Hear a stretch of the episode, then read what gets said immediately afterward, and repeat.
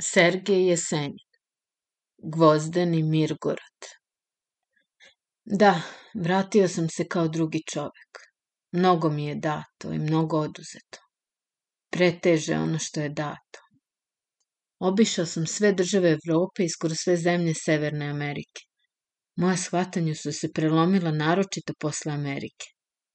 Pred Amerikom Evropa mi se učinila kao starinski majur i zato kratak prikaz mojih skitanja počinjem od Amerike. Boat Paris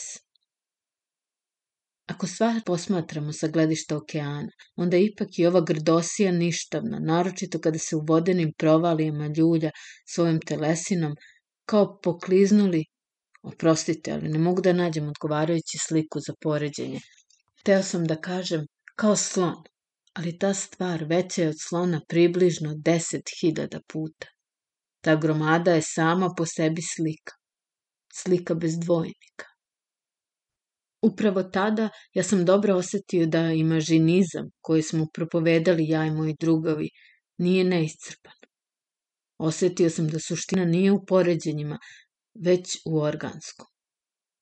Ali ako se na to gleda sa stanovništa čovekovih mogućnosti, Preostaje ti samo da raširiš ruke i kažeš. Šta to napravi Brajko pobogu? Kako? Ama kako to? Kad sam ušao u brodski restoran, čiji je plata malo veća od našeg boljšog teatra, prišao mi je moj saputnik i obavestio me da me pozivaju u našu kabinu. Išao sam kroz ogromne sale specijalnih biblioteka, išao kroz salone za odmaranje gde se igraju karte, Prošao kroz plesnu dvoranu i posle pet minuta kroz ogromni hodnik. Saputnik me je doveo do naše kabine.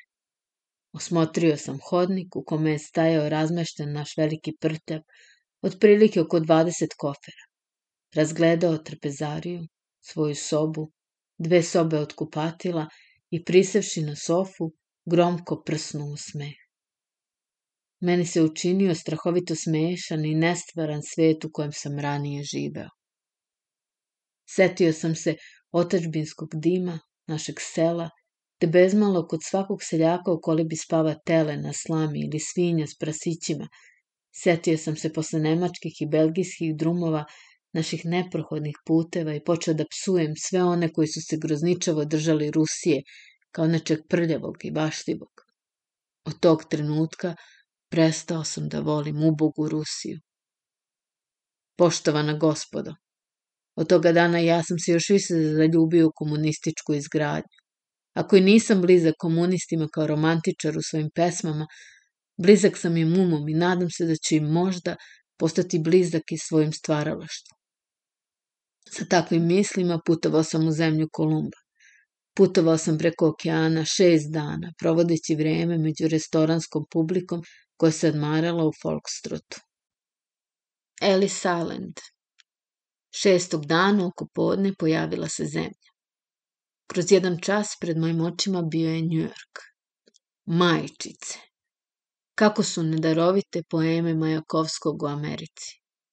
Zar se može ta gvozdena i granitna moć izraziti rečima? To je poema bez reči. Prepričavanje je obezvređuje. Mili, glupavi ruski domoroci, urbanisti i elektrifikatori u poeziji. Vaše su kovačnici, vaši lefovi kao tula pred Berlinom ili Parizom. Zdanja koje zaklanjaju horizont gotovo upiru u nebo. I nad svim tim nadnose se ogromni svodovi od armiranog betona. Nebo je olovno od zadimljenih fabričkih dimnjaka. Dim navejava nešto tajanstveno. Činiti se da se iza tih zdanja događa nešto tako veliko i kolosalno, od čega zastaje dah. Nestrpljivo želiš na obalu, ali pre svega moraju da pregledaju pasoše. U gomili onih koji se iskrcavaju prilazimo nekakvom važnom subjektu koji pregleda dokumenta. On dugo okreće papire u rukama, dugo nas merka podozrivim pogledom i spokojno na engleskom kaže da se moramo vratiti u svoju kabinu, da nas u SAD on ne može pustiti i da će nas sutra otpremiti u Ellis Island. Ellis Island je neveliko ostrvo na kome se nalazi karantin i razno razne komisije. Ispostavlja se da je Washington dobio podatke o nama da dolazimo kao bolševički agidatori. Sutra na Ellis Island. Mogu da nas pošalju natrag, ali mogu i da nas trpaju u zatvor. Iznenada na brodu se pojavljaju reporteri koji su već znali za naš dolazak. Izlazimo na palubu.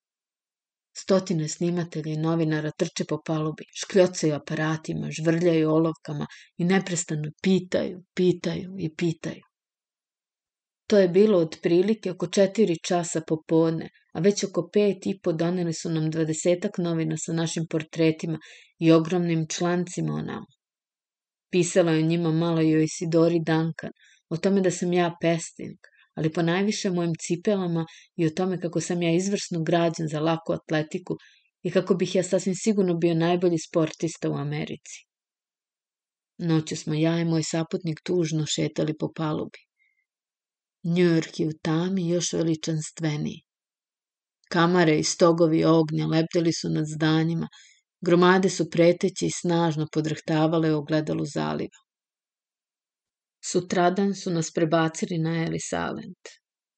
Ukrcavajući se na maleni parobrod u pratnji policajaca i novinara, bacili smo pogled na statu slobode i prsnuli u smeh.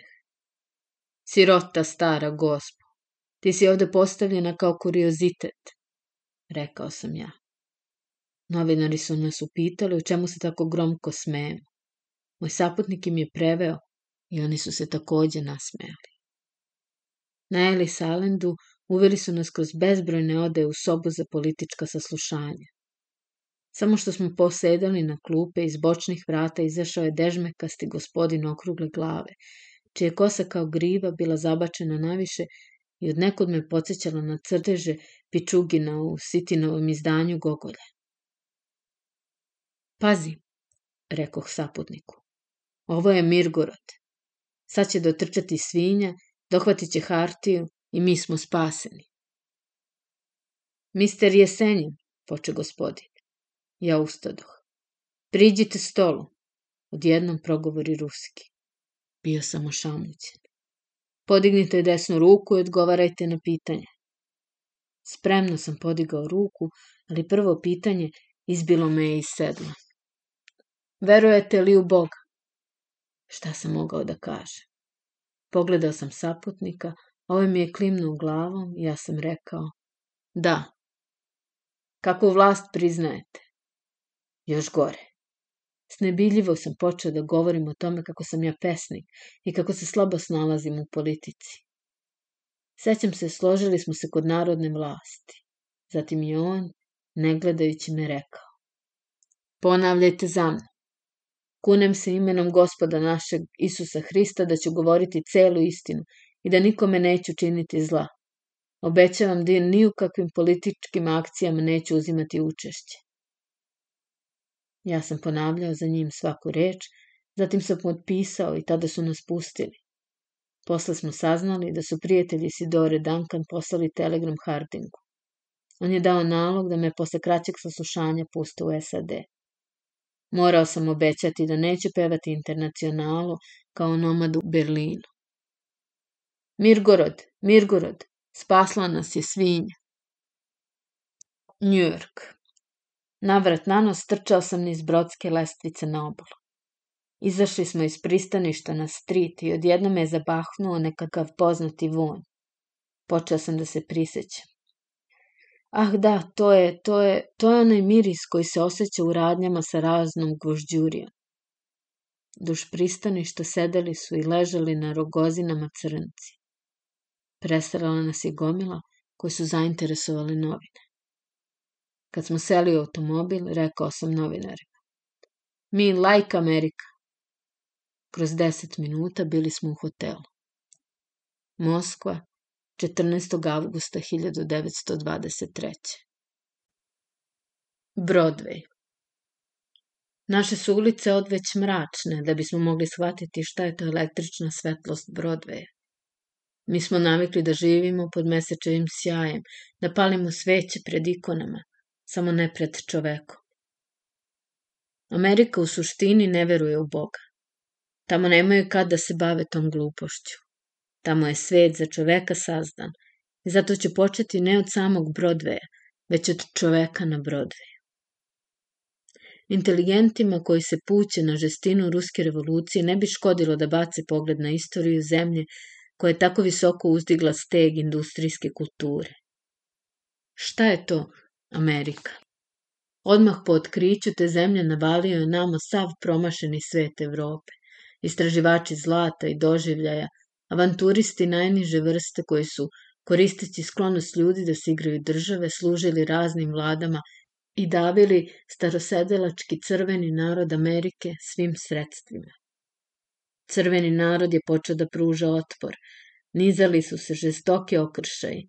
I na kraju krajeva od mnogomilijonskog naroda crvenokožaca ostala je samo šačica, oko 500.000, koju sada izdržavaju ogradivši je brižljivo bedemom od kulturnog sveta filmski producenti.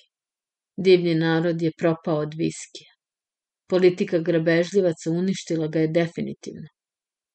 Hijevato su zarazili sifilisom, napili i zagnali da umre polaganom smrću u močvarama Floride ili snegovima Kanade.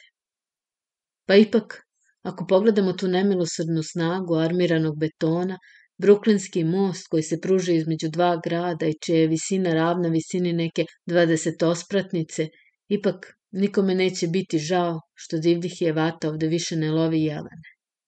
Niti je žao što je ruka graditelja te kulture bila ponekad surova.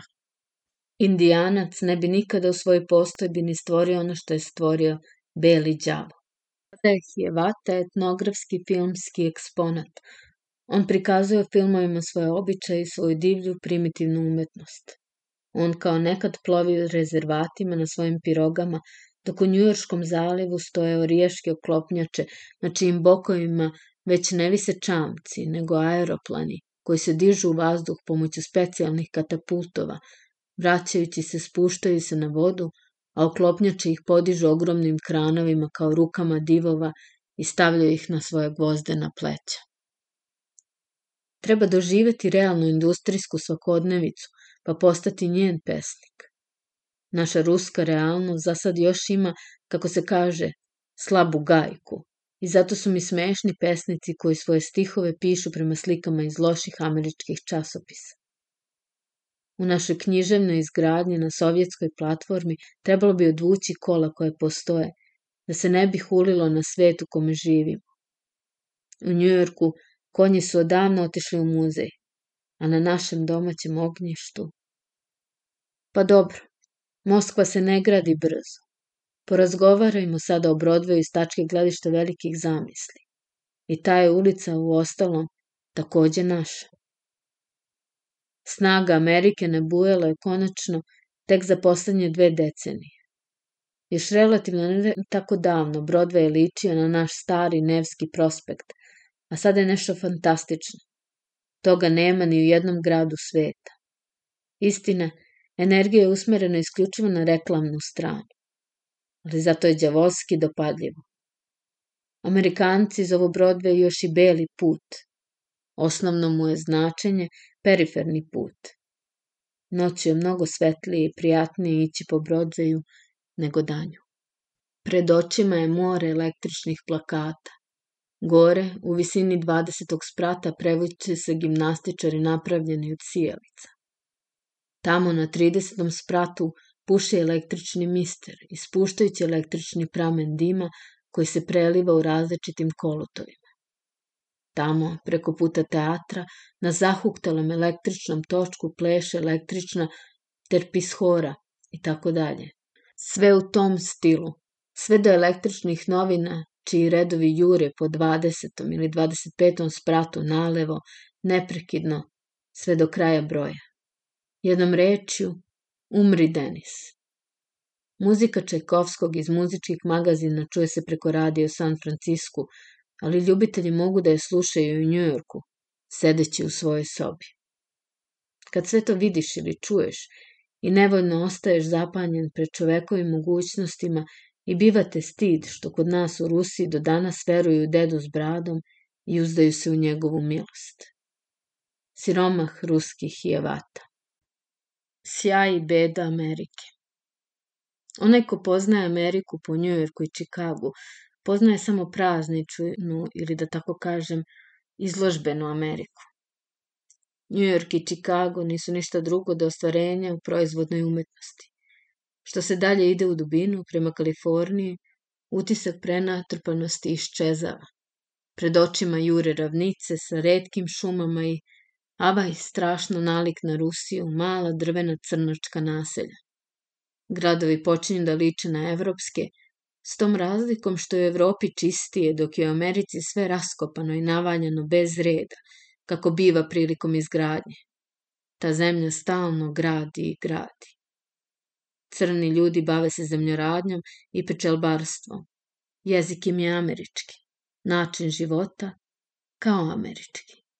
Došljaci iz Afrike, oni su sačuvali samo neke instinktivne osobine svoga naroda u pesmama i igrama. U toj oblasti izvršili su ogroman uticaj na muzikholski svet Amerike. Američki folkstrut nije ništa drugo do razvodnjena crnačka nacionalna igra. Inače, crnci su prilično primitivan narod, veoma neobuzdane naravi. I sami Amerikanci su ostalom veoma primitivan narod na planu unutrašnje kulture. Vladavina dolara zatrla je kod njih sva stremljenja ka bilo kakvim složenijim pitanjima. Amerikanac je sav utonuo u biznis i ostalo ga ne interesuje. Umetnost Amerike je na najnižem stupnju razvitka. Tamo je do danas ostalo nerešeno pitanje da li je moralno ili nemoralno podići spomenik Edgaru Poe. Sve to svedoči da su Amerikanci još veoma mlada i još ne sasvim formirana nacija. Ona gigantska kultura mašina koja je Americi donela slavu, u stvari je samo rezultat rada industrijskih stvaralaca i nipošto ne liči na organsku pojavu narodnog genija. Američki narod je samovredni izvršila zadatih naloga, podržavalac šablona. Ako se radi o kulturi elektrike, onda su svi pogledi upereni u figuru Edisona. On je srce te zemlje. Da nije bilo tog genijalnog čoveka u datom trenutku, kultura radija i elektrike pojavila bi se verovatno mnogo kasnije i Amerika ne bi bila tako veličanstvena kao danas.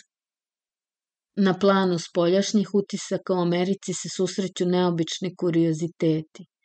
Tako je, na primer, američki polismen odeven kao ruški žaca, samo sa drugačijim gajtanima. Taj kuriozitet može se objasniti verovatno time što je manufakturna industrija skoncentrisana uglavnom u rukama ruskih emigranata. Naši zemljaci su od tuge za domovinom očigledno, obukli polismena u poznatu im uniformu. Za rusko uho i oko Amerika uopšte, a naročito New York, ima nečeg od Odese i zapadnih oblasti. New York je 30% jevrejski grad. Jevreji su uglavnom doskitali tamo iz nužde, zbog pogroma. U Njujorku oni su prilično čvrsto se uvrežili i imaju svoju žargonsku kulturu koja se širi sve više i više. Imaju svoje pesnike, svoje prozaiste i svoje pozorišta.